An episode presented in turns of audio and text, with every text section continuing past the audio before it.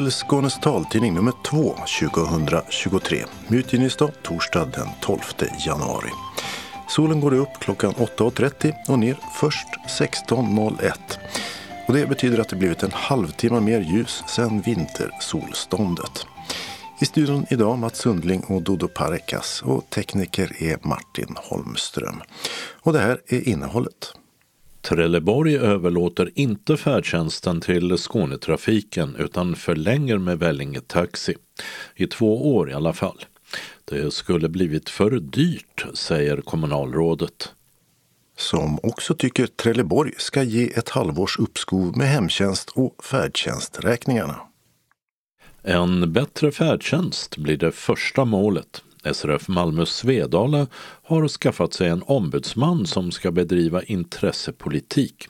Den första i en SRF-lokalförening på länge. Bullar med vassa metallbitar hot mot Malmös hundar igen. Höjd pensionsålder, dyrare sprit och märkta katter. Vi går igenom några av de nya lagar och regler som började gälla vid årsskiftet. Hur syntolkar man en gravhög? Ja, I Bohuslän söker man svaret.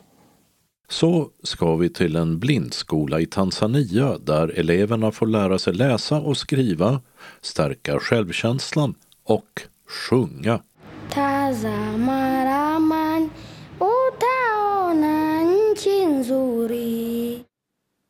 Öppnat och stängt med bad och blomsterhandel. Evenemangstips med syntolkning, nöjespalats och operaturné. Och kalendern med arketypisk skåning och parasport. Anslagstavlan kommer med meddelanden och ändringar i kollektivtrafiken och idag delar hela Skåne på samma tavla. Och allra sist redaktionsrutan. I Trelleborgs kommun kommer Skånetrafiken inte att ta över färdtjänsten 2023 som planerna var tidigare. Istället har kommunpolitikerna beslutat att förlänga med Vellinge Taxi fram till 2025 och moderata kommunalrådet, tillika ordföranden i kommunstyrelsen Ann Kajson Karlqvist, anser att det ekonomiska läget förändrats så mycket att det inte längre är värt en kostnadsökning på flera miljoner som hennes företrädare från samma parti förespråkade och drev igenom i kommunstyrelsen för ett år sedan. Nej, det tycker vi inte längre därför det är mycket som har förändrats sen de eh, sju miljonerna så att säga. Så därför vill vi göra en ny omvärdering av det. Vad är det som har förändrats? Eh, hela ekonomiska systemet har ju förändrats i, i samhället i stort så att säga och, vi, och kommunen har ju en betydligt tajtare budget nu än vad vi hade eh, när han gjorde detta uttalandet så att säga. Eh, vilka förbättringar skulle det ha inneburit att låta Skånetrafiken ta över? Det som vi, vi tittade på det var ju framförallt att man skulle kunna få en bättre service med hjälp av app och såna här saker och också att, att eh, Region Skåne skulle ta över själva handläggningen av alla färdtjänstärenden. Eh, det var det man bedömde som var det, det bästa då, så att säga. Det var i september 2021 som kommunstyrelsen i Trelleborg, som då hade moderaten Mikael Rubin som ordförande, beslutade att Skånetrafiken skulle ta över färdtjänsten 2023. Och han sa så här i en intervju med Skånes taltidning om att det skulle bli cirka 7 miljoner dyrare med Skånetrafiken.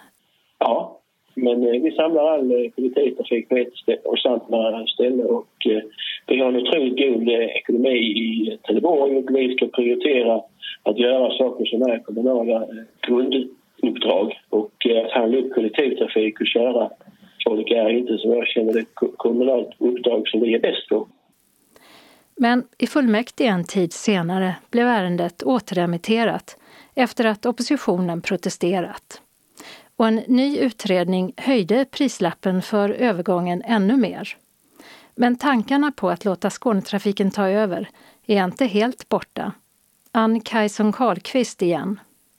Sen hamnade vi i den här situationen att vi var tvungna att antingen förnya eh, det färdtjänstavtal vi hade privat eh, då med Vellinge Taxi och det skulle förlängas på två år. Och det vi beslutade då det var att vi förlänger det här på två år för att återigen titta på avtalet med Region Skåne eh, och att hur vi kan eventuellt gå in i det och räkna om det hela.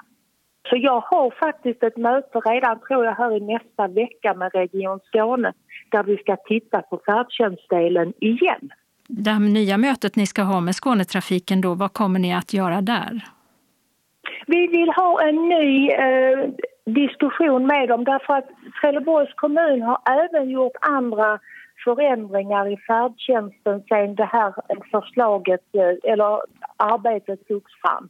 Bland annat har vi sagt att alla över 80, förlåt 85 ska utan att någon bedömning kunna få färdtjänst och sådana här saker. Så vi har lite andra förutsättningar idag än vad vi hade när vi tittade på det avtalet sist.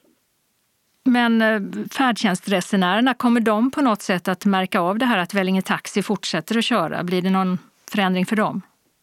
Nej, för dem ska det inte bli någon förändring alls utan det ska fortsätta precis som vanligt som det gör idag. Och det gör det fram till 2025 då? Det blir det fram till 2025, ja. Var ni överens om det här beslutet att eh, inte låta Skånetrafiken ta över 2023?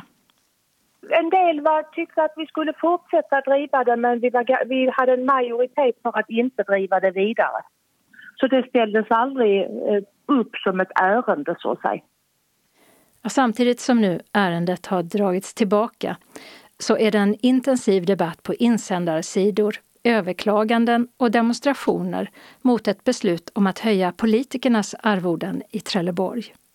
Och I en artikel i Trelleborgs Allehanda i förra veckan fanns uppgifter som kom från ekonomikontoret på Trelleborgs kommun om att kostnaderna för den politiska organisationen skulle öka från 14,8 miljoner kronor förra året till cirka 20 miljoner 2023.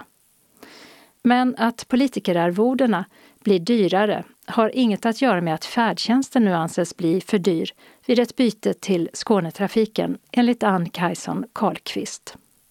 Nej, det har inte alls med det att göra för det beslutet fattade, med angående färdtjänsten fattades ju långt innan ekonomin för politiken var aktuell. Så nej, det har ingenting med varandra att göra. Men där tycker ni att eh, den kostnaden har ni råd med? Den kostnaden tycker vi att den har vi råd med, den ska vi ta för att det kommer till att ge medborgarna i Trelleborg lite bättre service. Och att vi hoppas att politiken är mer närvarande i, i organisationen än vad man är idag. Så det är två helt olika ärenden. Det sa moderata kommunalrådet tillika kommunstyrelsens ordförande i Trelleborg, Ann Kajson Karlqvist, om att kostnaderna för politikerarvodena höjs med cirka 5 miljoner kronor under 2023 jämfört med året innan. Reporter Åsa Kjellman Erisi. Och Trelleborgs kommun planerar att göra det Staffanstorp var först med ge invånarna uppskov med räkningarna för kommunal service som till exempel för färdtjänst och hemtjänst. Detta med tanke på att höga energipriser, livsmedelspriser med mera gör ekonomin ansträngd för många. Och moderata kommunalrådet i Trelleborg, Ann Kajson Karlqvist, vill att det ska gå snabbt att komma fram till ett beslut. Jag tycker det är ett alldeles förträffligt bra eh, initiativ och vi håller just nu på att jobba fram ett ärende tillsammans med tjänstemännen så att vi skyndsamt kan ta ett liknande beslut i Trelleborg. Delegationsordningarna ser lite annorlunda ut och därför valde vi att jobba fram det som ett helt ärende i Trelleborg. Så det ligger högst upp på agendan att implementera detta även i Trelleborg. Det är ett fantastiskt initiativ. Det är likadant som i Staffanstorp att det, att det gäller all kommunal service. Och till Trelleborgs Allehanda säger Ann Kajson Karlqvist att kommunstyrelsen ska ta upp ärendet och kunna fatta beslut vid ett extrainsatt möte i mitten av januari. Och att hushållen ska kunna få anstånd i minst ett halvår. Först och främst färdtjänsten. SRF Malmö Svedala skaffar sig en ombudsman som ska bedriva intressepolitik. Den första i en skånsk SRF-lokalförening på länge. Det är kanslisten Johanna Virén som snart byter jobb. Vi ska över till föreningens lokal där den blivande ombudsmannen tar emot i dörren. Hej, hej. Hej. Johanna Wirén misstänker jag. Ja, det stämmer. Ja, vi är på SRF Malmö på Wendes Fridsgatan i Malmö. Och det regnar ordentligt där ute, men nu här inne var det varmare och skönare. Ja, verkligen. Du har jobbat som kanslist här länge, så den som har ringt hit vet vem du är. Ja, jag tror de känner igen min röst. Men nu ska du byta jobb. Ja, nu ska jag bli ombudsman. Det blir spännande. Nu står vi här i Farstund. Ska vi ta oss iväg till där du ska vara? Är det Ja. samma ställe som du brukar vara på? Ja, ska sitta i samma rum som jag har suttit innan. Och här är det lugnt och skönt just nu. Ja, det har inte riktigt börjat den här aktiviteterna. Annars är det väl lite soppluncher och annat som ni brukar ha ungefär så här dags. Ja, Bingo och tidningsläsning. Och... precis. Dagverksamheten har vi. Här är kontoret där du är. Ja, det är det. Och då kan vi se att du sitter i rullstol till att börja med för den som inte har sett dig förut. Exakt, det gör jag. Eh, Det är på grund av att jag eh, hade cancer när jag var liten. Så jag har alltid suttit i rullstol. Synskada. Ja, jag har eh, RP. Så eh, jag har eh, problem med mörker och med synfältet bland annat. Kikar jag på din datorskärm här. Och du har en skärm och det är ett förstoringsprogram Ja, som uppenbart är igång där. ja zoomtext använder jag. Hur mycket ser du? Ja, jag ser väldigt bra när jag tittar. Där jag tittar rakt fram. Jag har svårt med liksom, sidorna och... Jag har även en förstoringslampa när jag ska försöka läsa texter och så. Ombudsman. Vad ska du göra då? Då ska jag försöka jobba lite intressepolitiskt. Jag ska försöka att kämpa för eh, vår färdtjänst här i kommunen. Även lite LSS och SOL, ledsagningen att börja med.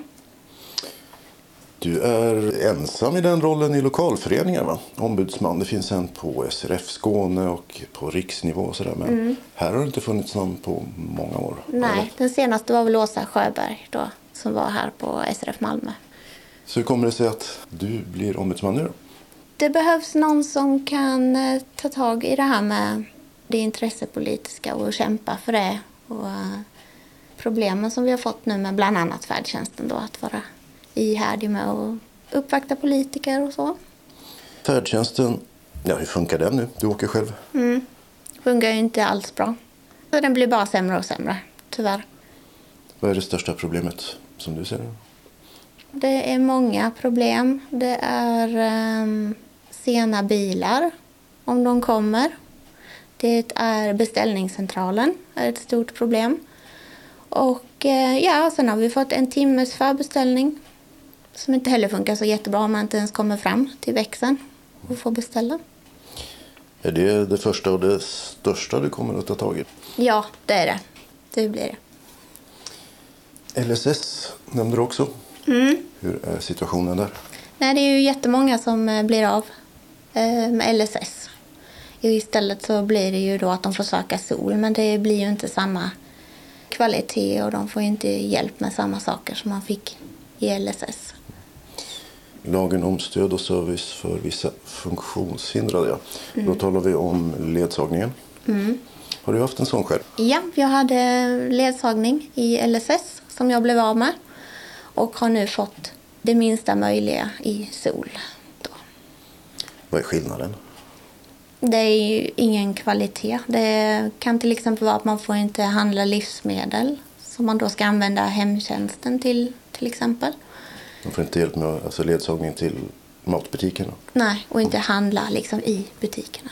Det får man inte, till exempel. Eh, Ja, just det var någonting jag vill minnas att Åsa Sjöberg ägnade rätt mycket tid åt att överklaga för medlemmarna också. Är det någonting du kommer att ägna dig åt då? Försöka hjälpa till med det, ja. Ja, Ansökningar och överklaganden? ja så, så gott jag kan, absolut. Vi har ju också en jurist på, i Riksförbundet som kan hjälpa till med det. Ja, för det är många runt om i Sverige som har blivit av med den eller inte får den när de ansöker. Så att det har minskat väldigt mycket de senaste 10-20 åren i alla fall. Och mindre tid Alltså de får mindre timmar och mindre timmar och mindre timmar. Tyvärr. Har du varit ombudsman eller drivit intressepolitik? Nej, Tidigare? det har jag inte. Jag har varit kanslist och gjort så gott man har kunnat här med det intressepolitiska. Men det har man inte haft så mycket tid med. Jag har varit på SRF Skåne två vänder och jag har jobbat här tidigare. I början på 2005 kanske. Sånt. Intressepolitik då alltså för medlemmarnas räkning. Är det något mer du ska göra? Ta hand om medlemmarna. Behjälplig med det de, eh, vad de behöver hjälp med. Till exempel man kan ju hjälpa dem med att få kontakt med synenheter eller syninstruktörerna. Ja, fortsätta det arbetet. Vem ska göra ditt jobb som kanslist då? Där kommer eh, Marianne Werngren kommer att komma. Hon har jobbat på SRF Skåne så hon eh, kan ju rutinerna och känner till medlemmarna här. Så hon börjar då den första februari här hos oss. Och första februari, ja då kan man kasta sig på telefonen och ringa dig om man vill ha hjälp med något juridiskt eller annat. Ja, det kan man göra. Det sa Johanna Virén som inom kort alltså börjar som ombudsman på Synskadades riksförbunds lokalförening Malmö Svedala. Reporter var Mats Sundling. I Malmö har man än en gång hittat små bullar med vassa metallbitar som placerats ut där många hundar rastas. I förra veckan var det, som vi berättade då, kvarteren öster om Amiralsgatan och den här gången i området kring Pildammsparken. Det rapporterar Sydsvenskan. I snart två år har försöken att skada hundar pågått med fynd runt om i stan av bullar och korvbitar med vassa föremål inuti. Extra bekymmersamt tycker ledarhundsförare där. Och det är andra gången just området kring Pildammsparken drabbats. Polisen har samlat in många bullar men har hittills inte hittat något som lett till ett gripande. Höjd pensionsålder, dyrare tobak och alkohol och krav på att registrera katten. Här är några av de nya lagarna och reglerna som gäller från årsskiftet. Alla 700 000 hushåll som äger en katt måste se till att den är ID-märkt med chip eller tatuering och registrerad hos Jordbruksverket. Och det oavsett om det är en inne eller utekatt. Bra om katten springer bort, är tanken. Märkningen kan göras hos veterinärer och är katten redan märkt kan de uppgifterna användas. Registreringen kan sedan göras i en e-tjänst på Jordbruksverkets hemsida där det kostar 40 kronor att betalas med kort eller swish. Fast det har inte fungerat så bra hittills för tekniken har krånglat. Och det går också att använda en blankett och då kostar det 100 kronor. Den som har en anställning och vill fortsätta jobba kan se fram emot ett längre arbetsliv. Rätten att få jobba kvar har höjts från 68 år till den dag man fyller 69 år. Och den som är över 65 och fortsätter jobba har också fått sin skatt sänkt. Samtidigt har den lägsta åldern för att ta ut inkomstgrundad ålderspension höjts från 62 till 63 år. Och den lägsta åldern för att få garantipension höjs från 65 till 66 år. Vid nyår höjdes också prisbasbeloppet rekordmycket. Från 48 300 kronor till 52 500. Och med det en rad ersättningar som sjukersättning, aktivitetsersättning, omvårdnadsbidrag och merkostnadsersättning. Som alla får högsta nivån höjd med 8,7 procent. Samtidigt är inflationen högre än på decennier. Förra året steg konsumentprisindex med 11,5 procent. Några av de ersättningar som tillfälligt höjts under pandemin blir kvar på den högre nivån. Det gäller arbetslöshetsförsäkringen där också kravet på arbetad tid och karensdagarna förblir lägre.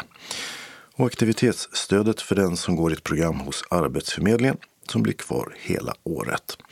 Samt tilläggsbidraget till barnfamiljer med bostadsbidrag som förlängs till och med juni i år. För de som bor i bostadsrätt finns nya regler för ombyggnad och renovering. Nu ska det vara tydligare när det krävs tillstånd från styrelsen. Nytt är också att den som bygger om utan lov kan få bostadsrätten förverkad. Och den som är missnöjd med styrelsens beslut kan nu begära att hyresnämnden prövar frågan. Hittills har sådana tvister avgjorts i allmän domstol där det kan bli dyrt att processa. De som har studielån får betala mer per år efter en mindre räntehöjning, men kompenseras för det genom en möjlighet att förlänga återbetalningstiden. Att göra högskoleprovet har blivit dyrare. Anmälningsavgiften har höjts från 450 till 550 kronor. Och från i höst får den som går in eller ut ur provlokalen räkna med att bli kontrollerad med metalldetektor. Syftet är att förhindra fusk. Skatten på sprit höjs med 1 procent och med 5 procent på öl och vin och andra jästa drycker. Och tobaksskatten har höjts samtidigt med 1 procent. Å andra sidan sänks tv och radioavgiften som är numera obligatorisk till högst 1300 kronor per person och år. Rapporterade Mats Sundling. Bohuslän är fullt med fornminnen, hällristningar, gravhögar och fästningar. Men hur syntolkar man och förklarar man en fornlämning på bästa sätt? Och kan man använda samma informationsmaterial för personer med olika funktionsnedsättningar? Ja, det ville Bohusläns museum veta svaret på. Och då tog man hjälp av bland annat forskare på Lunds universitet och personer med funktionsvariationer, däribland synskadade. Aron Stutz är arkeolog på Bohusläns museum och en av de ansvariga för studien. Vi vill undersöka hur vi kan utforma pedagogiska filmer som handlar om kulturmiljöer och särskilt eh, i Bohuslän så att eh, de kan vara effektiva, tilltalande och tillgängliga till eh, så många tittare och lyssnare som möjligt oavsett funktionsvariation. Och eh, om jag har förstått det rätt så går experimentet till så att Eh, synskadade i det här fallet får eh, ta del av två olika filmer som har syntolkning och sedan åker gruppen iväg till de platser som de här filmerna handlar om och får guidning på stället. Precis, och vi ska också göra experimentet med två jämförelsegrupper. Och Eh, nu är det här ett experiment, men hur ser du på möjligheten att kunna omfatta så många olika grupper som möjligt med då informationsmaterial? Det har varit en väldigt intressant eh, utmaning när vi har diskuterat teoretiskt. Ska vi fokusera på att hitta en universell lösning eller ska vi hellre fokusera på att Eh, hitta olika lösningar som vi kan förhållandevis lätt skapa så att eh, delar av eh, publiken med olika behov kan välja det de främst behöver. Jag tror att det kommer att bli det senare det handlar om. Att eh, kunna få inte bara bättre kvalitet på syntolkning men även en bättre förståelse till exempel av hur vi ska använda både syntolkning och verbalisering när våra pedagoger tänker på vad är det jag behöver beskriva. Det är intressant därför att eh, vi har insett att det är inte en enkel fråga och eh, det, det, finns eh, ja, väldigt mycket som vi förväntar oss kunna eh, lära oss om. Platser att besöka, Kungahälla och Klosterkullen.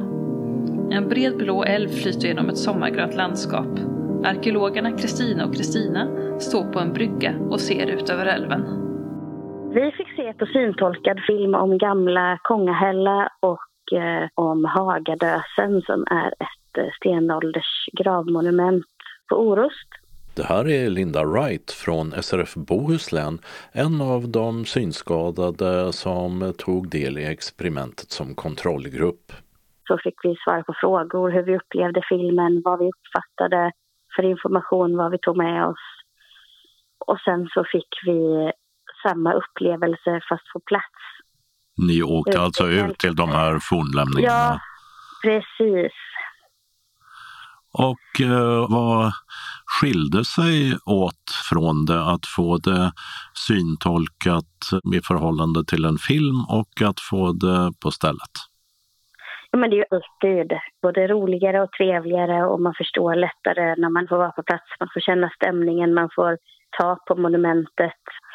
Det är klart att det ger mer. Sen var syntolkningen densamma på både filmen och man använde samma manus på plats. Och vad kunde du ge dem för feedback? Jag kunde ge feedback på hur jag upplevde syntolkningen och eh, visa på att vi faktiskt många gånger inte vet att vi missar något. Och då vet vi heller inte vad vi missar och kan fråga. Så därför är det så väldigt viktigt att syntolkning finns och att den fungerar och att den är välgjord. Och att man tar med syntolkningen redan från början i en produktion så man inte lägger den som en efterproduktion. Det fanns ju beskrivningar i miljön och av eh, känslan och stämningen på platsen och lite sånt där så man kan beskriva mer hur platsen ser ut, var den är belägen i förhållande till platser i omgivningen. Jag är historieintresserad så jag tycker att det är jätteroligt att gå in på museers hemsidor och, och det är ofta jag saknar syntolkningsspår. Eh, och där tycker jag det är roligt att Bohusläns museum är så intresserade av tillgänglighet. Museet var som vi hörde Aron Stats nämna i början också intresserade av ifall man kan använda samma informationsmaterial för olika grupper av personer med funktionsvariation, funktionsnedsättning. Linda Wright igen. Nej, det kan man inte. Där måste man ha flera olika alternativ. Därför att den som har en intellektuell funktionsnedsättning behöver syntolkningen för att förstå vad de ser medan vi inte ser alls. Så det blir jätteskillnad. Det blir ett annat sätt att prata när man gör syntolkning för personer som ser. Språket blir annorlunda, det man berättar skiljer sig kanske från det man berättar för en blind person. Så eh, nej, där måste man nog definitivt ha flera alternativ. Samtidigt så framhålls ju universell design som ett föredöme i andra sammanhang. Att en miljö ska vara tillgänglig för alla som besöker den, till exempel oberoende av funktionsförmåga. Men här stämmer det alltså inte. Nej, jag tycker inte det. Jag kan ha fel, men jag tycker inte det. Jag upplever att jag missar information när just ett syntolkat filmklipp är anpassat så att det ska passa alla målgrupper. Husen och gatorna finns inte kvar. Nu finns här fält, ängar och skogsdungar. Kristina och Kristina står nu på en äng. Men det var också en vanlig stad. Ja. Här fanns Aron Stutz från eh, Bohusläns museum tycker det var spännande att ta del av vad försökspersonerna fick ut av informationen på film och på plats och säger att en lärdom är att museet nog måste tänka mer på att besökare som kommer till dem eller till fornlämningar har olika stora grundkunskaper och intresse. Dels var det eh, frågor kring vad fick du lära dig av den här filmen? Dels var det liksom hur fungerade filmen? Hur var det att uppleva det? Såklart eh, var deltagarna otroligt bra på att ge oss feedback på vad som fungerade och inte fungerade med manuset, eh, bakgrundsmusik, bakgrund, naturljud eh, och såklart syntolkningen. Och hur var det då med tanken att en syntolkad film eller visning skulle kunna funka för alla oberoende av funktionsnedsättning, funktionsvariation? Det är liksom helt uppenbart att eh, det finns ingen eh, enkel universell designlösning och som där var vi öppna för möjligheten. Oj, vi kommer kanske hitta ett sätt som vi kan presentera information om en, en fornlämning som fungerar för vårdbrukare med autism och nedsatt syn.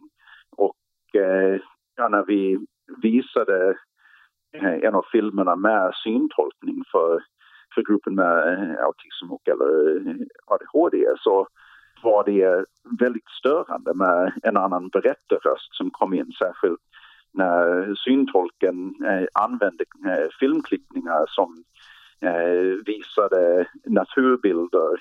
Så rent eh, kognitivt var det eh, väldigt distraherande att eh, ha syntolken med när man samtidigt förstår bilderna. Dessutom var det väldigt tydligt att eh, gruppen med neuropsykiatriska eh, funktionsnedsättningar var jätte jättevarierande. De var väldigt olika varandra. Så den lilla gruppen fanns det ingen universell lösning. Så byggs det ett kloster här. För då ombildas kungsgård och kyrka till ett augustinerkloster.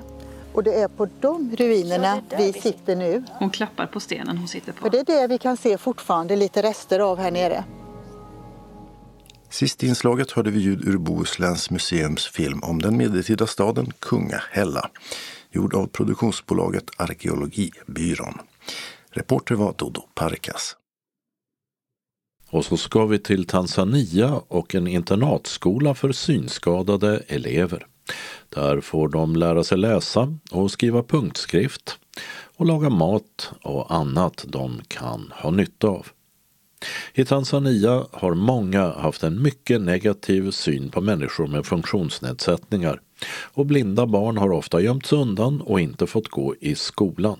Men det har blivit bättre. Och på skolan Shule Yafuraha vill man att eleverna ska stärka sin självkänsla och bli mentorer och föredömen för andra. Jag står här i ett litet klassrum.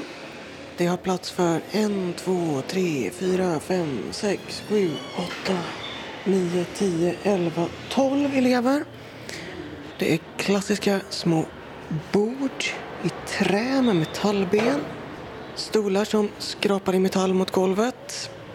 Klassrummet har fönster åt två håll. Ett fönster ut mot en liten trädgård och senare vidare ut mot gatan.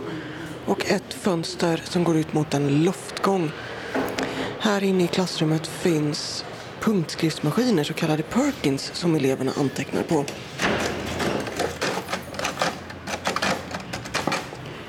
Det finns också en liten bokhylla med böcker i punktskrift.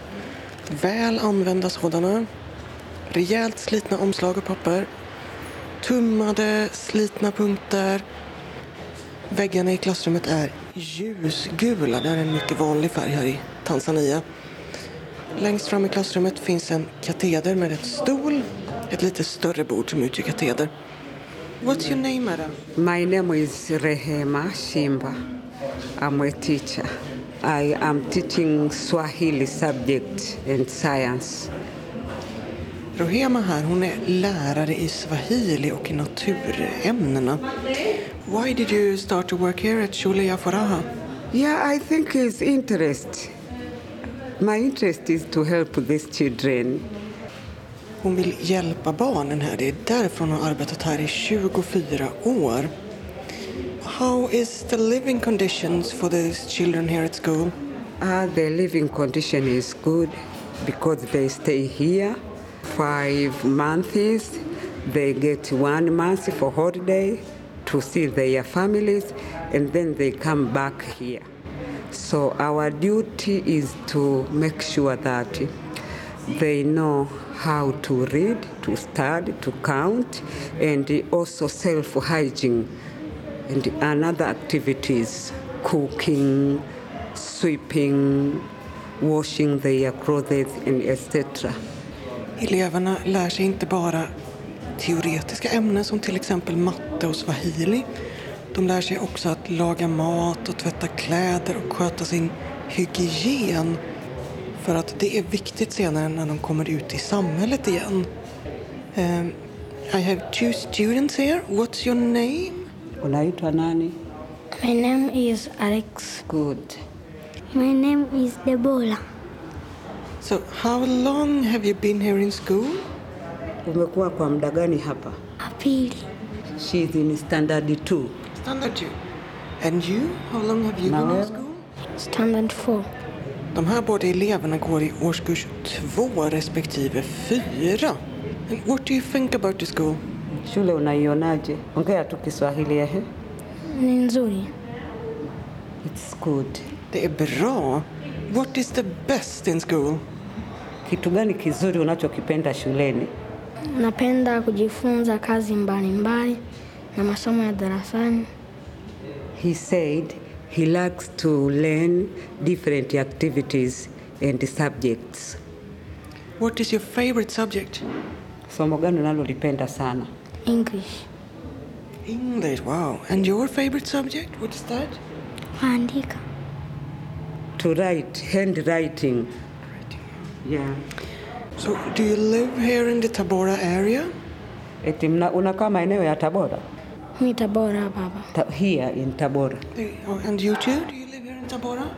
Na wewe? Mwanza.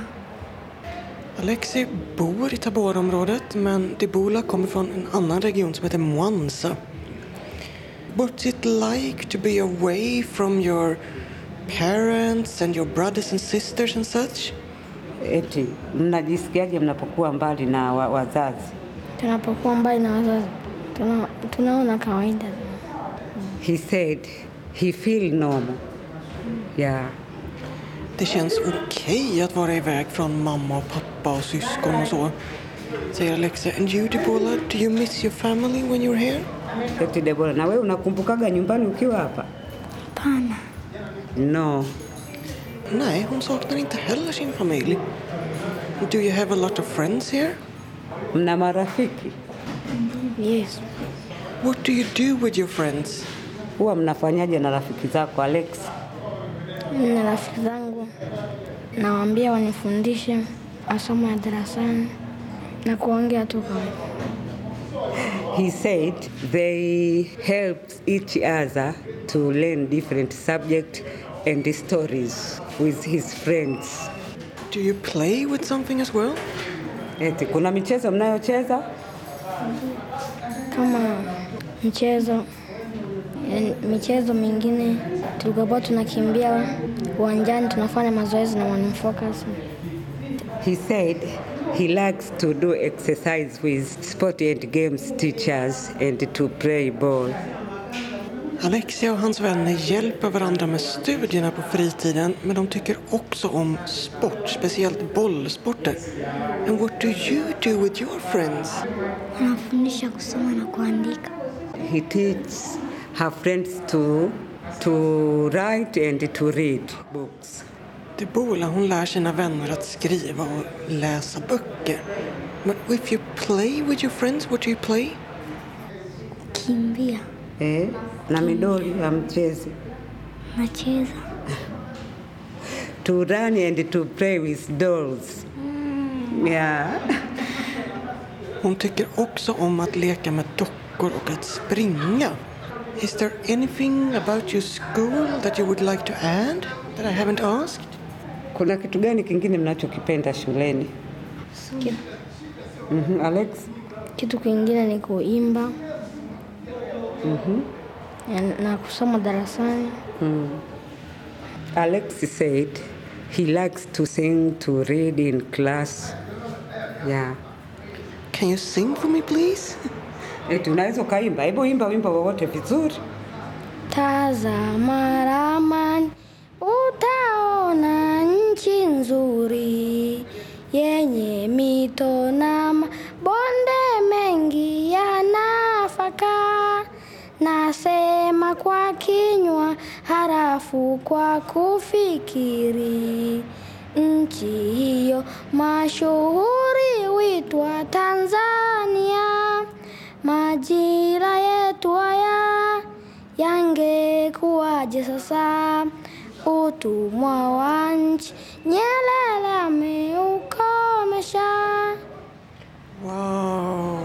It's the one of the Amazing. anthem songs in our country. Här har vi elever som ska spela goalball. So we are going to see also another academic issues. So you are Och musiken ni hör i bakgrunden är förberedelser inför examensceremoni. together with us. We have already Eleverna ställer upp sig här på planen. En av dem står på vad som ser ut att vara en handduk. Bredvid sig finns det en kon. This is. I sneak beside you. Yeah, okay. so what's This is- your name, sir? My name is Ibrahim Focus. I'm a, a coacher, even also a teacher of, for our school for the blind. I'm a coach of this game, uh, Gorbo. This Gorbo is special athletics for the people with uh, total blind, even partial. Yeah, each team contained with three students. Yeah, they are playing with a ball with a Kengere Ndani. We, we call it Kengere Ndani. Yeah, let's say them pray, you can see it. Mhm. Yeah. Här har vi goalballcoachen och han berättar om Nej. varje lag har tre spelare i varje. Nej. Coachen här han berättar att han även är lärare på skolan. När bollen kommer så kastar sig eleverna i ena laget platt ner på marken. Det gäller att rulla bollen från sitt lag tvärs över planen och in i mål på andra sidan. We have no uh, special equipment so that we can it can help us to, to play. Even a groundy, no, no, we have no special ground here. So that's why students are lucky to meet uh, the, the rules of goalball. But uh, we thank God that the uh, students are enjoying the game. Yeah. De har ingen speciell plan. Eleverna övar på en gräsmatta mellan några skolbyggnader här. Nu ska jag försöka prata lite med skolans skolbolllag här. So let's start with you in the center. What's your name? Jina lako? Naitwa Dickson. Naon Dickson. Dickson? Yes, Dickson. Who? And, and what's your name? Deu Jacob. Jacob. Yes. How long have you been playing goalball? Umecheza kwa muda gani mpira goalball? Miaka mingapi? Kwa miaka mitatu. Three years. Umecheza mwaka mmoja tu. One year. Yes, the one. Yeah. And what do you think about the sport? Is it fun? Eti una, una, una, unaje mchezo ni mzuri au Ndio, ni mzuri. very very fun. You like it. De tycker jättemycket om att spela goalball här. Every evening they are playing the, the game of Gorbo. Dagen börjar klockan sex på morgonen. Då vaknar eleverna. De går till morgonbönen. Efter det är det frukost. Sedan är det morgonens lektioner. Lunchen är klockan halv tre. Därefter är det olika aktiviteter som till exempel att tvätta kläderna. Sen kommer det lektioner igen på kvällen och så är det middag. What is it like to be a visual impaired person in Tanzania? What is the living conditions? In Tanzania, the pe- people with the impaired, we are moving now from the past. If you compare with this time, as the day went on, people they are coming from negative attitude, they are going to positive attitude now. So we are we are moving, but uh, there are other community not uh, have a good attitude about people with disability, but we cannot compare with where we come from. We are gaining we are gaining about these people with disability because most of them they come to be mentor in the community. So we are moving. Attityderna i Tanzania mot personer med funktionsnedsättning har förändrats till det bättre. Tidigare så skämdes familjerna för att de hade ett funktionshindrat barn. Barnen, eller kanske den vuxna familjemedlemmen, gömdes undan i huset. Fick inte komma ut och vara med på fester som bröllop till exempel. Fick inte gå i skolan. Nu så har attityderna ändrats till det bättre. Barn med synnedsättning går oftare i skolan idag. Och många personer med synnedsättning fungerar som mentorer till andra och är ute som goda föredömen ute i samhället.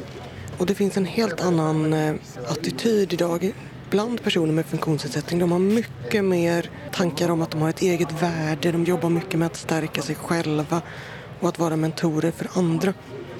Så det sker en positiv utveckling här i Tanzania även om det är en bit kvar. King of me.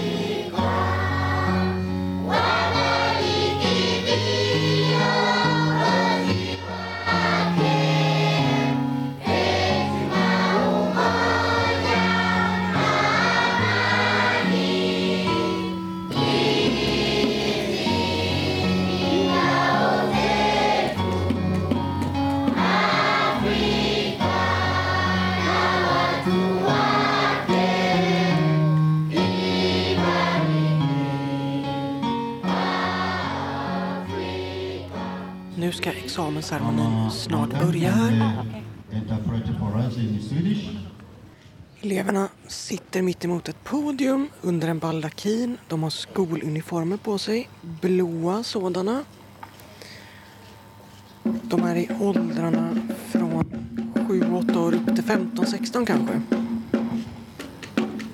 Det finns ganska många elever här med albinism så de är väldigt ljusa i huden jämfört med sina kompisar.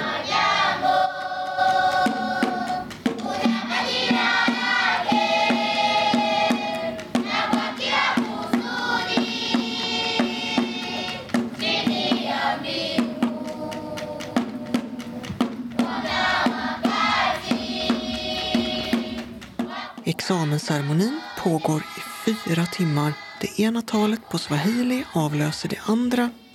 Det är skolans rektor Ibrahim Suleiman som pratar. Det är biskopen, före detta biskopen och eh, en skolminister i den regionala regeringen här i Tabora. Slutligen berättar en elev om skolans historia och vilka behov skolan har. Sholia Foraha grundades för 60 år sedan av Kerstin Strindberg, en blind missionär från Sollefteå. Hon arbetade som lärare i många år på skolan. Och efter henne så följde flera andra missionärer från Sverige och Finland. Än idag så finns det ett samarbete mellan Sholia Foraha och syskonbandet den förening för kristna synskadade som Kerstin Strindberg var medlem i. Syskonbandet skänker både pengar och hjälpmedel till skolan. Det behövs fler lärare, fler elever, fler läskameror, det vill säga CCTV, fler Perkins, punktskriftsskrivmaskiner, fler böcker i punktskrift med mera, med mera. Lokalerna är också slitna och eh, det skulle behövas fler toaletter. Idag går det 90 elever på skolan och alla elever är på plats under examensceremonin såklart. Det är nio elever som tar examen idag och de sitter längst fram närmast rektorn och lärarna. Avgångseleverna går fram en och en till bordet där lärarna och rektorn sitter. De skakar hand med rektorn och alla lärarna. De får sina diplom, går tillbaka och sätter sig. En hel del av dem får presenter och girlanger runt halsen och massor av kramar av sina kompisar. Konstigt nog så är det inga släktingar eller familjemedlemmar här på plats under examensceremonin. Och någon förklaring till det, det har jag faktiskt inte fått. Men jag hoppas att eleverna får fira hemma också när de kommer hem till sina familjer.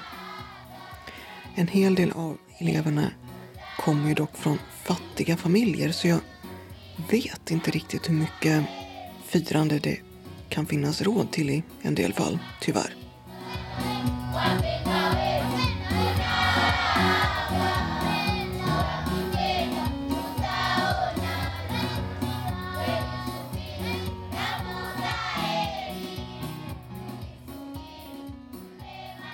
Så lät det på skolan Shule Yafuraha i Tanzania där vi fick träffa läraren Rehemba Simba, eleverna Nebola och Alex Good, goalball-coachen Ibrahim Fokas och spelarna Dixon och Jakob. Reportaget var gjort av frilansreportern Eva Frid. Öppnat och stängt. I Ramlösa har badet stängt. Företaget Trampolin skulle ta över verksamheten vid årsskiftet men ansåg sig inte klara uppdraget och ingen annan har hittills anmält intresse. I Ystad på gågatan Stora Östergatan har Elon ljud och bild Phone Store lagt ner. Och detsamma har inredningsbutiken Old Stuff. Ägaren till den senare planerar att under våren flytta verksamheten till hemmet i Gärsnäs. I Skurup på Kyrkogatan 20 har skomagasinet stängt efter att ha funnits på samma adress i många år. Den senaste ägaren tillträdde 1979.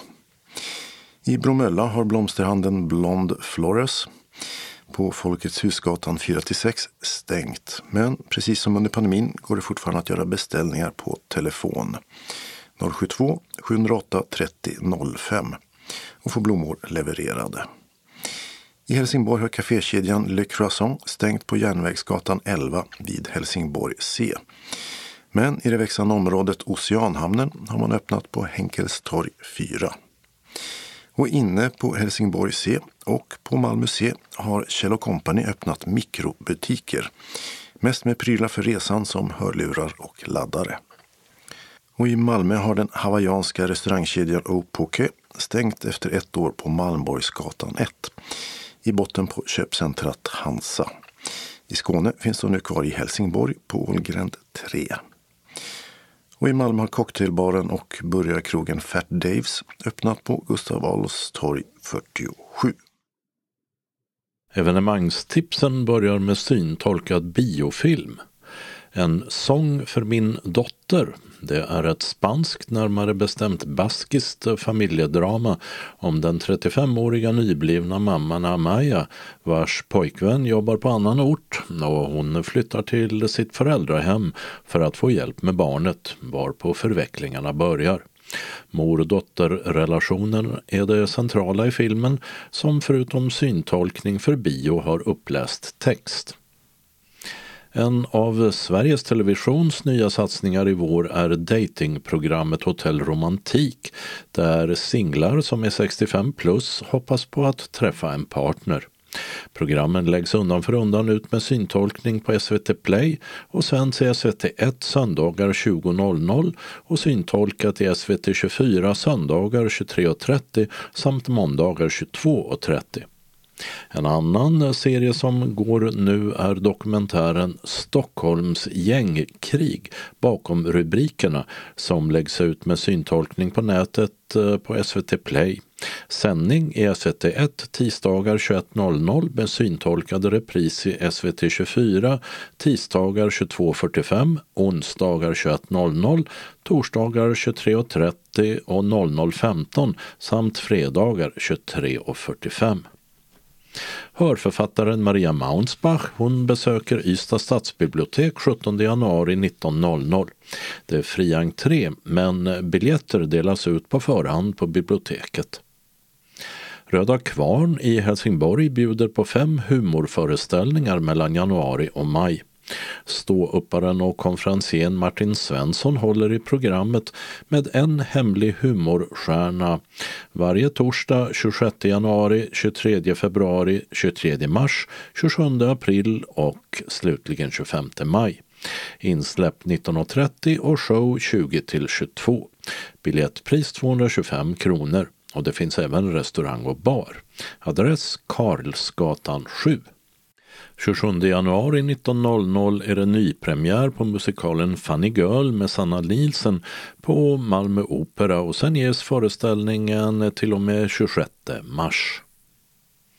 Artisterna Anita Lindblom och Gunnar Wiklund porträtteras i musikteaterföreställningen Anita och Gunnar av Maria Knutsson och Per Sjölander plus kör och orkester. Turnéplan Hässleholms kulturhus 11 februari 17.00.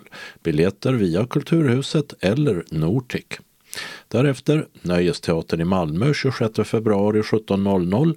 Biljetter via Julius. Ystad Teater 18 mars. Biljetter via Ystad Turistbyrå eller Ystad Teater.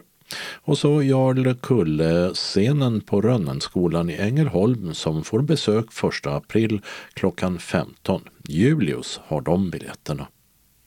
Det helsingborgska nöjespalatset Bollbrolyckan är platsen för Lyckans nöjesrevy med Claes Malmberg, Babsan, Sofie Lindberg, Anders Algård med flera.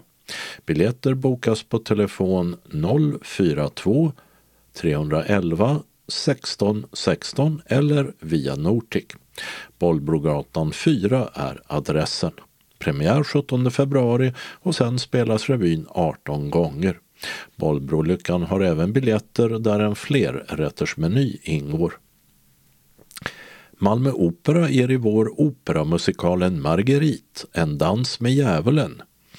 Både i Operahuset i Malmö och på turné runt om i Skåne. Manuset bygger på ursprungsversionen av Goethes Faust om mannen som säljer sin själ till djävulen.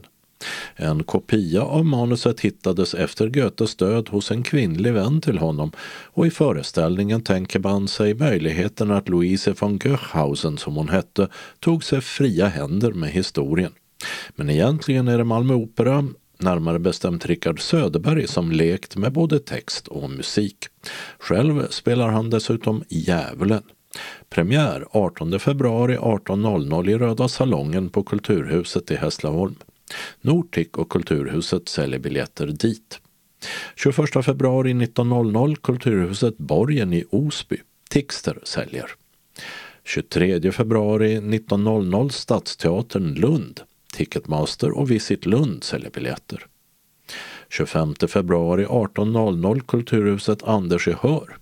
Nortic säljer. 26 februari 18.00 Kulturboxen på Pilängsskolan i Lomma. 2 mars 19.00 Sibbhults Folkets hus, Östra Göinge.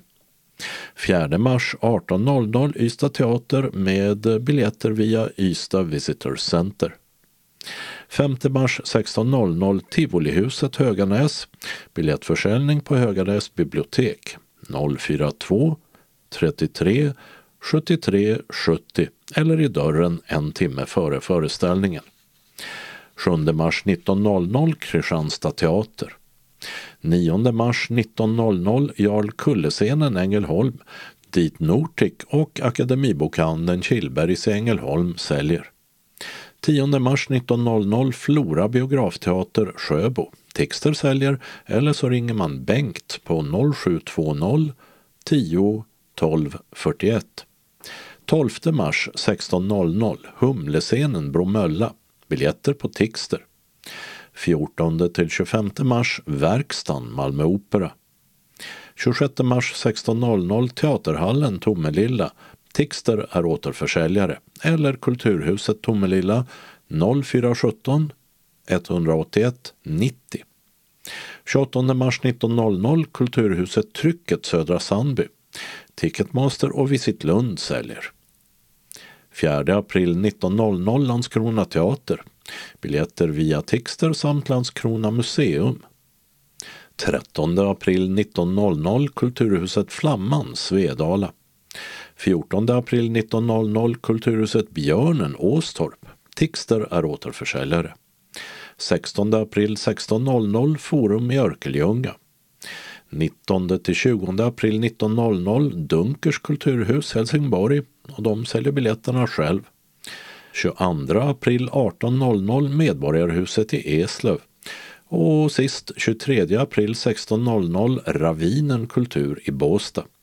Biljettpriserna ligger mellan 50 och 320 kronor beroende på föreställningsplats och rabatter. För alla föreställningar finns inte uppgifter om biljettförsäljning ännu. Biljettinformation Röda Kvarn i Helsingborg 042 13 41 41. Hässleholms kulturhus 0451 26 66 70. Nortic 0455 61 97 00.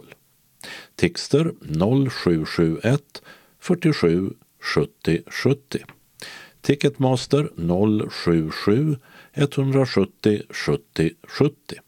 Visit Lund 046 13 14 15. Malmö Opera 040 20 85 00.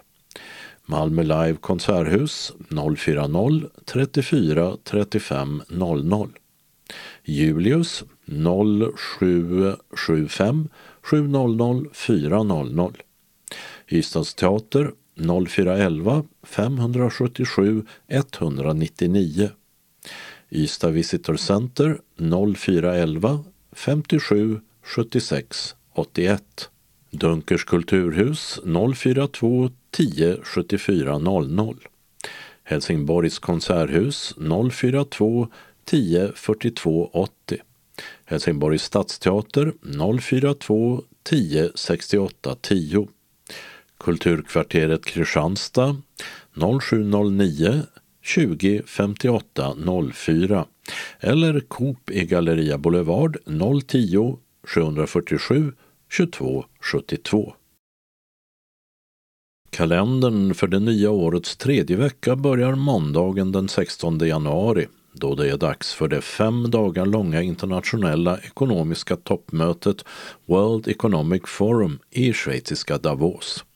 Årets devis är Cooperation in a fragmented world, samarbete i en splittrad värld som ju påverkas av covid-pandemins efterdyningar, Ukraina-kriget och stor politisk osäkerhet på många håll i världen. I Stockholm samlas representanter för Sportsverige till Idrottsgalan i Globen, eller Avicii Arena, och då kungörs vem som utsätts till årets kvinnliga respektive manliga idrottare, vem som står för årets prestation, vem som är årets nykomling och ledare samt årets lag. Stavhopparen Armand Duplantis har dubbla nomineringar, både till Årets manliga idrottare och Årets prestation och det gäller även skridskostjärnan Nils van der Poel. Bland kandidaterna till Årets kvinnliga idrottare finns bland annat simmaren Sara Sjöström och även Jerringpriset och Svenska Dagbladets bragdguld kommer att delas ut. Tisdag 17 januari har Anton och Tony namnsdag. I Strasbourg presenterar statsminister Ulf Kristersson programmet för det svenska EU-ordförandeskapet där Ukraina är i fokus och sen blir det debatt med EU-parlamentets ledamöter. Och detta datum för 135 år sedan föddes mannen som kom att symbolisera den fryntlige, sävlige skåningen som arketyp, skådespelaren Edvard Persson som kom till världen i Malmö 1888 och avled 1957 i Jonstorp. Onsdag 18 januari är Hildas och Hildurs namnsdag. I riksdagen är det partiledardebatt med start 9.00 och den sänds i riksdagens webb-tv. I spanska Espot startar parasportens alpina världsmästerskap där det svenska hoppet heter Ebba Årsjö. Det är stipendieutdelning i drottning Silvias jubileumsfond för forskning om barn och funktionshinder. Temat denna gång är studier av behandling och omhändertagande av barn med samsjuklighet, flerfunktionshinder. Torsdag 19 januari har Henrik och Henry namnsdag. I La Molina i Spanien börjar parasportarnas VM i snowboard och hade den utlevande amerikanska sångerskan och en av rockens stora stjärnor Janis Joplin levt idag så hade hon fyllt 80 år. Men Joplin dog redan 1970 efter en överdos heroin. Fredag 20 januari är vi förstås 20 dagar in på det nya året. Parasportarnas vinter-VM i skidskytte och skidåkning drar igång i Östersund. Svenskt medaljhopp är Sebastian Modin som dessutom har namnsdag denna dag. Och det har även Fabian. Och 60 år har passerat sedan de första kvinnliga poliserna började arbeta i Sverige. I ett halvsekel fram till dess fanns så kallade polissystrar eller polisbiträden som hade sjukvårdsutbildning och som i första hand skulle ta sig an kvinnor och barn som tagits till polisstationerna. Lördag 21 januari är Agnes och Agnetas namnsdag. Och söndag 22 januari tar veckan slut och Vincent samt Viktor har namnsdag. På dagen 60 år tidigare undertecknades det så kallade Élysée-fördraget av Västtysklands förbundskansler Adenauer och Frankrikes president de Gaulle. Och med namnteckningarna stadfästes vänskap och samarbete mellan arvfienderna Tyskland och Frankrike. 2019 undertecknade förbundskansler Angela Merkel och president Emmanuel Macron ett nytt fördrag i tyska Aachen om utökat samarbete mellan länderna. Anslagstavlan är idag gemensam för hela Skåne och innehåller bara lokala meddelanden och några ändringar i kollektivtrafiken. SRF Kristianstad-Bromölla bjuder först in till sin bokcirkel under våren 2023. Hej vänner, nu är det dags igen. Jessica och Stefan från biblioteket håller som vanligt i taktpinnen. De tipsar om nya och gamla talböcker. Även vi i gruppen har möjlighet att komma med våra boktips. Och vi avslutar med fika som kostar 10 kronor. Välkomna gamla som nya deltagare. Vi träffas på biblioteket på Föreningsgatan 4 i Kristianstad och samlas i huvudentrén. Vi träffas på tisdagar mellan klockan 13 och 15 och 15 följande datum. Tisdag 24 januari, den 21 februari, den 21 mars, den 18 april och den 16 maj. Välkomna! SRF Lundebygden hälsar först om sin nya telefontid på kansliet. Måndag till torsdag 9.30 till 11.30 och klockan 13 till 15. Observera att vissa undantag kan förekomma vid till exempel möten, sjukdom eller ledighet. Men det går bra att lämna namn och telefonnummer så ringer Desiree upp er så snart hon har möjlighet. SRF Lunnebygden bjuder in till stickträffar med start 19 januari. Kom och sticka tillsammans. Nu är stickningen större än någonsin och det går alldeles utmärkt att sticka även om man inte ser.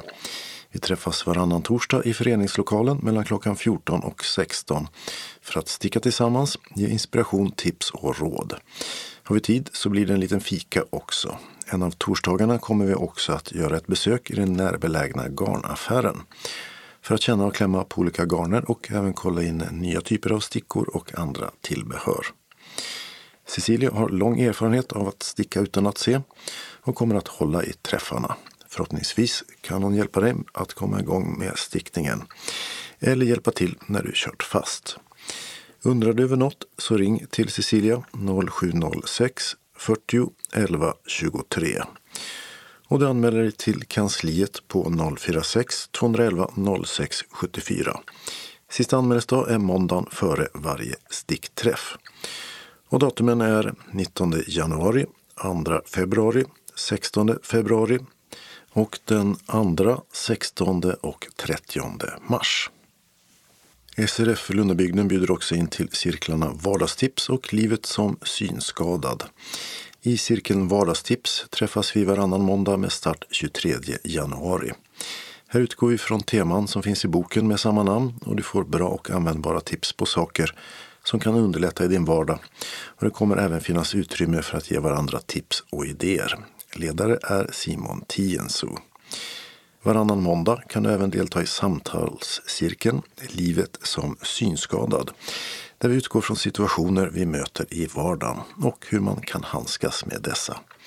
Livet som synskadad startar 30 januari och ledare är Ann-Kristin Fast. Båda cirklarna träffas i föreningslokalen mellan klockan 13.30 och 15. Och du kan anmäla dig till en eller båda cirklarna till kansliet senast den 12 januari. Och gör det även om du varit med tidigare. Deltagandet är kostnadsfritt. Och har du frågor kan du ringa Ann-Kristin eller Simon. Desiree har telefonnummer till dem. SRF Lundabygden bjuder också in till bokprat onsdag den 25 januari klockan 13.30 till 15. Då kommer Berit från Klostergårdens bibliotek till föreningen för fortsatt inspirerande bokprat över en fika. Hon har med sig tips på böcker och vi spinner vidare utifrån egna läsupplevelser eller nyfikenhet. Och anmäler det till kansliet senast den 23 januari.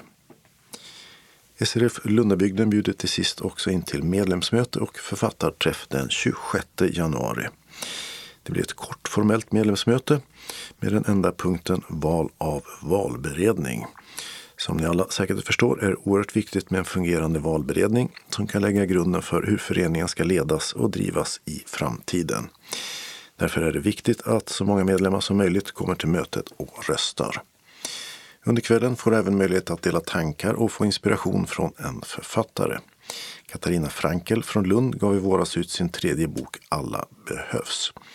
Hon skrev om hur vägen till skrivandet sett ut för henne. Katarina har en lättare CP-skada som gör att hon har svårare att hålla det tempo som alltmer kommit att krävas i dagens samhälle. Ett tema i böckerna har varit kampen för att få ett arbete på den vanliga arbetsmarknaden trots funktionsnedsättning.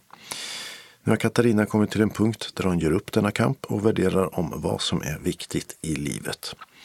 Hennes två första böcker finns på Legimus och den tredje ska komma där. I samtal med Katarina kan vi prata om skrivandets möjligheter, om att hitta vad man kan må bra av och att göra det man vill.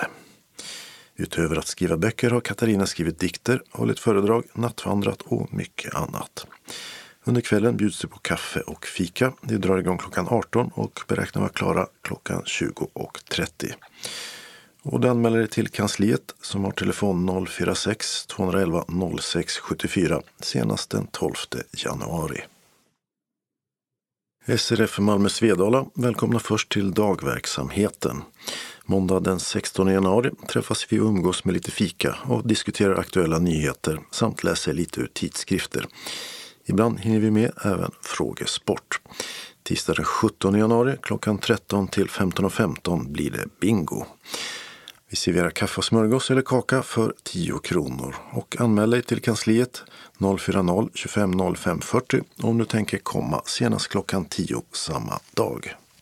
SRF Malmö Svedalas kansli vill informera om en nyhet från och med den 1 februari. Då blir det en omorganisation på kansliet och det blir en till i personalen. Marianne Werngren, som väl de flesta känner sedan tidigare, kommer att ta över Johanna Virens arbetsuppgifter. Så det är Marianne ni möter i första hand när ni ringer. Johanna får ny tjänst som ombudsman. Hon kommer att bevaka våra intressepolitiska frågor och uppvakta politiker med mera. Samt även i fortsättningen sköta föreningens ekonomi. Helena jobbar på som vanligt med att sköta våra aktiviteter och ta hand om våra medlemmar. Vi i styrelsen är övertygade om att detta kommer att bli ett välfungerande kansli och vi önskar Marianne hjärtligt välkommen till oss. Med vänliga hälsningar styrelsen. SRF Malmö Svedala bjuder sen in till vårens studieprogram i samarbete med ABF. Keramik måndag 13.45 till 17 i ABFs lokal på Porslinsgatan 3 till 5. Start 16 januari. Du får lära dig att använda leran och dreja eller kanske vill du hellre använda fantasin och trycka eller kavla ut leran till olika föremål. Pris 600 kronor för 15 träffar. Du betalar dessutom själv för den lera du förbrukar. Vävning onsdagar 9.30 till 12 i ABFs lokal. Pris 390 kronor för 13 träffar. Materialkostnader tillkommer. Författarporträtt onsdagar 9.30 till 12 i föreningens lokal på Wendelsfridsgatan 13. Start 15 februari. Är du nyfiken på kända äldre författare som bland annat Selma Lagerlöf och Astrid Lindgren, då är du varmt välkommen. Pris 300 kronor för 10 träffar. Under kursen tar vi en fika med smörgås eller kaka för 10 kronor. Aktuellt i litteraturen torsdagar 9.30 till 12 i föreningens lokal. Start 16 februari. Kursen tar upp nya böcker av både svenska och utländska författare. Och också denna leds av Camilla Kronholm. Pris 300 kronor för 10 träffar. Och fikat kostar också här 10 kronor. Medyoga torsdagar 12.45 till 13.45. Start 26 januari. Programmen består av bland annat medveten andningsträning, mjuka fysiska övningar, avslappning och meditation med ledaren Ira. Pris 450 kronor för 15 träffar. Är du intresserad av en eller flera kurser så anmäl dig på telefon 040-25 05 40 eller mejla info srfmalmo.se. Sista anmälningsdag är måndag den 23 januari. Före kursstart skickas kallelse och inbetalningskort ut till alla anmälda. Tyvärr hinner vi inte skicka det innan keramik respektive vävkursen startar, men det kommer snarast. Varmt välkommen till en givande och trevlig kursgemenskap hälsar styrelsen. SRF Malmö Svedala bjuder också in till bastubad under våren. Och för oss så börjar den redan den 19 januari på Funkis Öresund. Vi träffas varannan torsdag, ojämna veckor mellan klockan 18 och 21. Vi badar bastu tillsammans och de som är modiga nog tar ett dopp i Öresund. Ta själv med dig det du anser du behöver under kvällen. Badtofflor är bra. Observera att det kommer att vara gemensam bastu. Anmäl dig till kansliet senast torsdagen för aktiviteten före klockan 12. Om du får förhinder eller frågor, ring mig Britt på 070 352 48 47. Välkomna hälsar styrelsen. Och SRF Malmö Svedala har också en sopplunch på föreningen. Välkomna dit fredag den 3 februari klockan 13. Vi får besök av Jassin som via Synskadades riksförbund och Region Skåne håller i en grundutbildning för synskadade om smarta mobiler. Allt mer information och tjänster sker digitalt och därför är det viktigt att kunna dagens teknik. Denna gång bjuder vi på vintersoppa, kött och kål och avslutar med kaffe och kaka. Är du medlem får du allt det här för 30 kronor, icke-medlemmar 50 kronor. Färdtjänsthem kan beställas till klockan 15.30. Och vill du vara med så anmäl dig till kansliet senast måndag den 30 januari. Glöm inte att meddela allergi eller särskild kost vid anmälan. Varmt välkomna hälsar styrelsen. SRF Västra Skåne hälsar att det är dags för cirkelgympa. Måndag den 16 januari börjar den med Mikael Grönhed. Tiden är klockan 14 till 15 i SRF-lokalen på Vaktgatan 3 i Helsingborg. Och det kostar 375 kronor för 15 gånger. Anmäl dig till kansliet 042 15 83 93 eller e-posta till srfvastraskane srf.nu. Alla hälsas varmt välkomna. SRF Västra Skåne bjuder sen in till onsdagsträffen Marias timme. Den 18 januari klockan 13 till 15.30 är det i SRFs lokal i Helsingborg. Maria ska prata om nyårstraditioner och 20 Knut.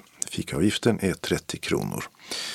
Vill du komma måste du anmäla dig senast tisdag den 17 januari klockan 12 till kansliet. Välkommen! Vi avslutar med två tillfälliga ändringar i kollektivtrafiken. I Hör har en del av Maglasätervägen stängts av och regionbuss 448 får ta en annan väg. Hållplatsen Munkarpsvägen är stängd med hänvisning till Hörs station läge D, cirka 500 meter österut på Bangårdsgatan. Stängde också hållplatsen Yxnaholm.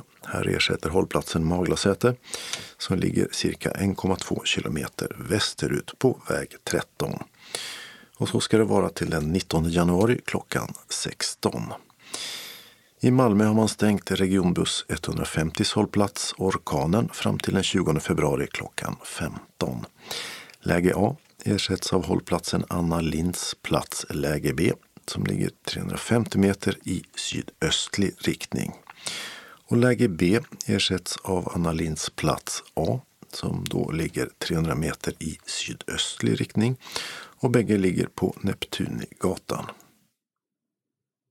Och med det beskedet var det slut på veckans Skånes taltidning. Nästa nummer nästa torsdag den 19 januari. Skånes taltidning ges ut av Region Skånes psykiatri och habiliteringsförvaltning. Ansvarig utgivare är Martin Holmström.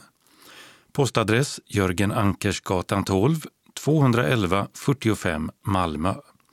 Telefon 040-673 0970. E-post Skanes taltidning snabela skane.se och hemsida skanestaltidning.se. Observera att CD-skivorna inte ska skickas tillbaka till oss. Såväl skivor som kuvert kan läggas i brännbara sopor när ni inte längre vill ha dem. Vi hörs igen. Hej då!